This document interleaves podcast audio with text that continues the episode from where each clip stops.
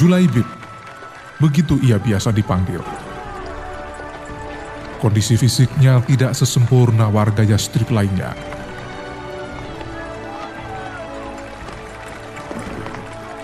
Julaibib hadir ke dunia tanpa mengetahui siapa ayah dan di mana ibunya.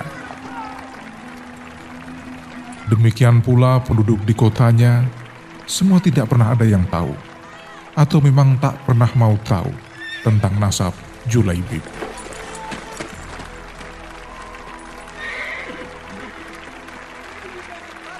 Semua orang tak pernah tahu dari golongan suku apa Julaibib. Bagi masyarakat Jastrib, tak bernasab dan tak bersuku adalah cacat sosial yang tak pernah terampunkan. Karena itu, mereka sangat menjaga nasab keturunannya, sehingga nama nenek moyangnya dihafal di luar kepala. Hidup Julaibib sangat tersisih, sehingga penampilan fisik dan kehidupan sehari-hari menampakkan kesulitan hidupnya Penduduk Yastrib tidak pernah mempedulikan hidup seorang manusia bersama Julaibib. Tiada teman dan hubungan dengan orang lain. Dalam keseharian, ia hanya memakai pakaian yang sangat lusuh. Kakinya tak pernah beralas, karena ia memang tak pernah punya alas kaki. Itu yang mengakibatkan telapak kakinya pecah-pecah, menahan keras dan panasnya lantai pasir kota Yastrib.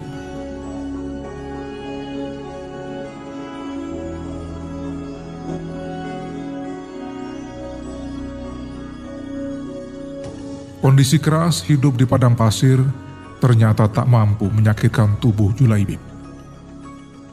Ia sudah terlalu biasa bepergian ke mana-mana dengan berjalan menyusuri lautan padang pasir yang panas.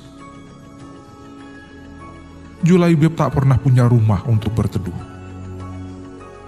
Ia terbiasa tidur bertilamkan pasir, kerikil, dan berbantalkan tangannya. Warga Yastrib juga sering melihatnya minum hanya dari kolam umum dengan cara menciduk dengan tangkupan telapak tangannya sendiri.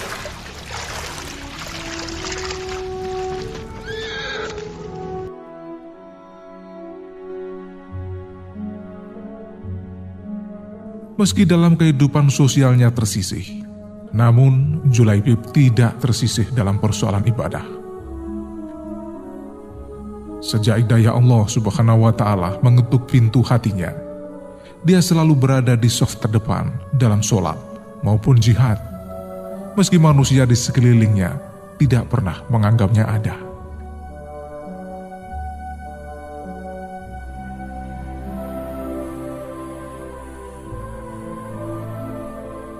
Tapi tidak begitu dengan Rasulullah Shallallahu Alaihi Wasallam.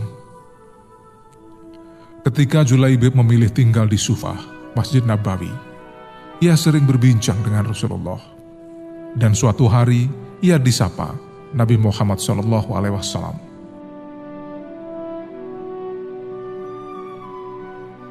Julaibib, tidakkah engkau ingin menikah? Siapa orangnya ya Rasulullah? Siapa yang mau menikahkan putrinya dengan orang seperti aku? Julaibib menjawab dengan tetap tersenyum. Tak ada kesan menyesali diri atau menyalahkan takdir Allah pada kata-kata maupun air mukanya. Saat itu Rasulullah Shallallahu Alaihi Wasallam juga tersenyum.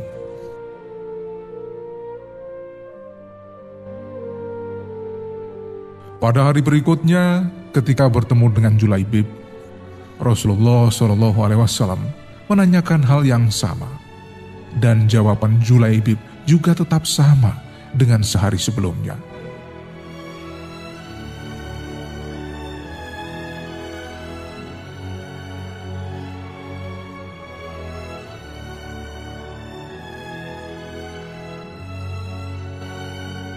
Tiga hari berturut-turut, Rasulullah menanyakan persoalan yang sama pada Julaibib. Dan di hari ketiga itulah, Rasulullah Shallallahu Alaihi Wasallam menggamit lengan Julaibib dan membawanya ke salah satu rumah seorang pemimpin Ansor.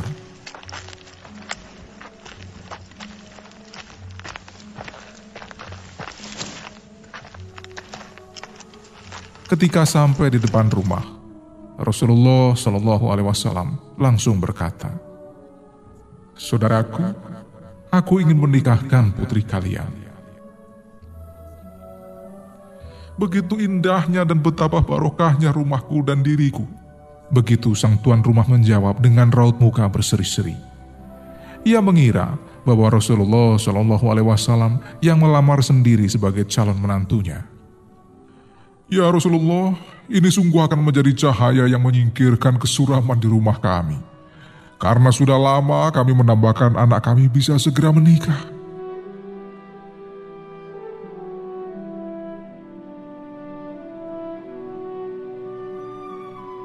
Tapi bukan untukku.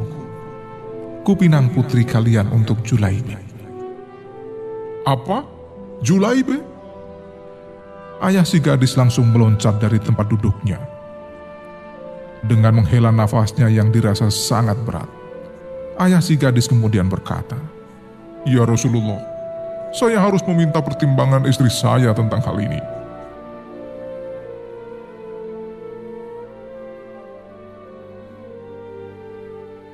Tak berapa lama kemudian, terdengar pertengkaran dari dalam rumah itu.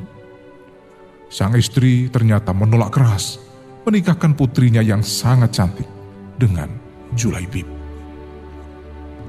Bagaimana mungkin anakku menikah dengan Julaibib? Ia berwajah buruk, tak bernasab, tak punya kabilah, tak berpangkat dan sangat miskin. Demi Allah, tidak. Tidak akan pernah putri kita menikah dengan orang bernama Julaibib.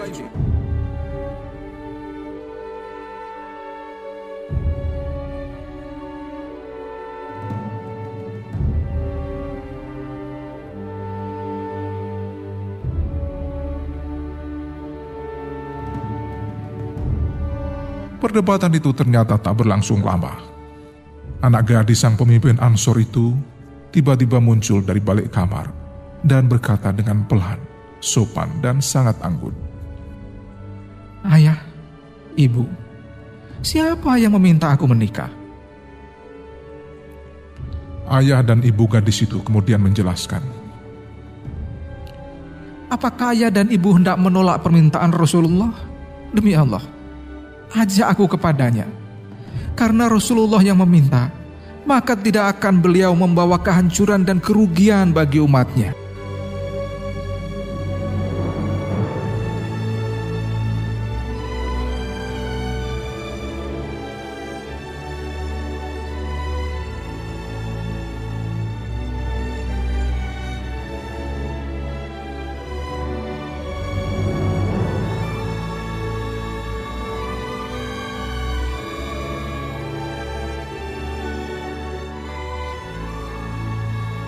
Pada saat itu pula, kemarahan ayah dan si ibu gadis itu langsung sirna. Kedua orang tua itu memeluk putrinya dengan menangis. Mereka sangat gembira memiliki anak yang berbukti luhur. Sementara tutur katanya mampu meluluhkan gejolak dalam hati yang panas membara. Beberapa hari kemudian, dengan disaksikan sejumlah sahabat, Rasulullah Shallallahu Alaihi Wasallam menikahkan gadis anak pemimpin Ansor itu dengan Julaibib. Berkali-kali Rasulullah Shallallahu Alaihi Wasallam tersenyum. Kemudian Nabi Muhammad Shallallahu Alaihi Wasallam tertunduk, berdoa untuk sang mempelai. Ya Allah, limpahkanlah kebaikan atasnya dalam kelimpahan yang penuh barokah jangan kau jadikan hidupnya payah dan bermasalah.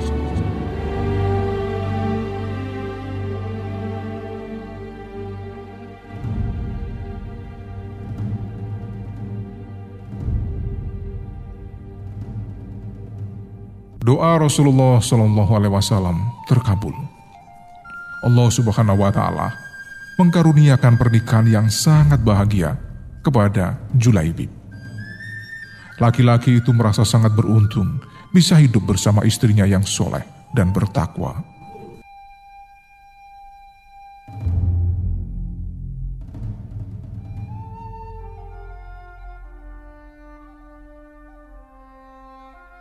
Meski Julaibi bahagia, Tapi ada sesuatu yang telah lama dirindukan, yakni mati syahid dalam peperangan bersama Rasulullah Shallallahu Alaihi Wasallam. Ia merasa bidadari-bidadari surga terlalu lama merindukannya, dan penduduk langit selalu menanti-nanti kepulangannya. Julaibib merasa sudah sepatutnya ia menghuni surga daripada hidup di dunia dengan masyarakat yang bersikap menyisihkan dirinya, meski ia telah hidup berkeluarga. Maka ketika pecah perang badar, Julaibib berada dalam barisan terdepan. Ia menunggangi kudanya dan bertempur melawan musuh, seperti hendak menyongsong laut.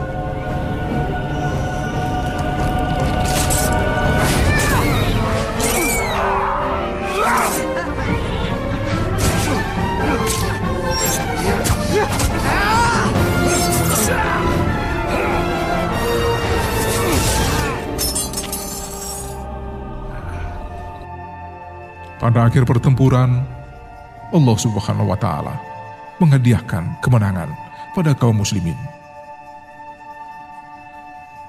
Ketika pasukan Muslimin sedang beristirahat, Rasulullah Shallallahu Alaihi Wasallam bertanya kepada para sahabat, "Apakah kalian kehilangan seseorang?" Tidak, ya Rasulullah. Sepertinya Julaibib memang tidak pernah ada dalam dunia mereka. Rasulullah Shallallahu Alaihi Wasallam mengulangi lagi pertanyaannya. Apakah kalian kehilangan seseorang? Tidak ya Rasulullah. Kali ini sebagian sahabat menjawab dengan ragu-ragu dan tak merasa yakin seperti jawaban pertama. Sesaat kemudian mereka saling memandang antara satu sama lain. Saat itulah Rasulullah menghela nafas dan berkata, Aku kehilangan Julaibi. Carilah dia. Para sahabat lalu mencari Julaibib ke segala arah.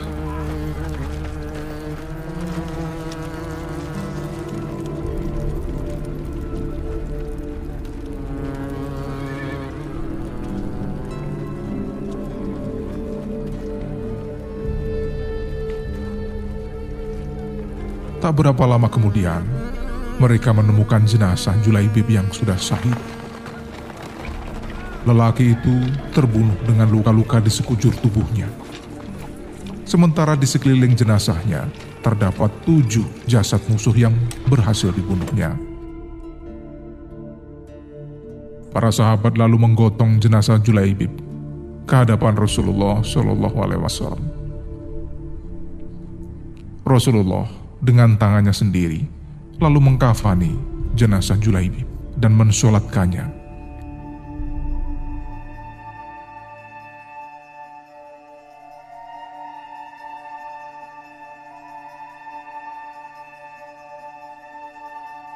Ketika jenazah Julaibib hendak dimakamkan, bibi Rasulullah Shallallahu Alaihi Wasallam bergetar sambil berkata, Ya Allah, aku bersama Julaibib dan Julaibi bersama aku.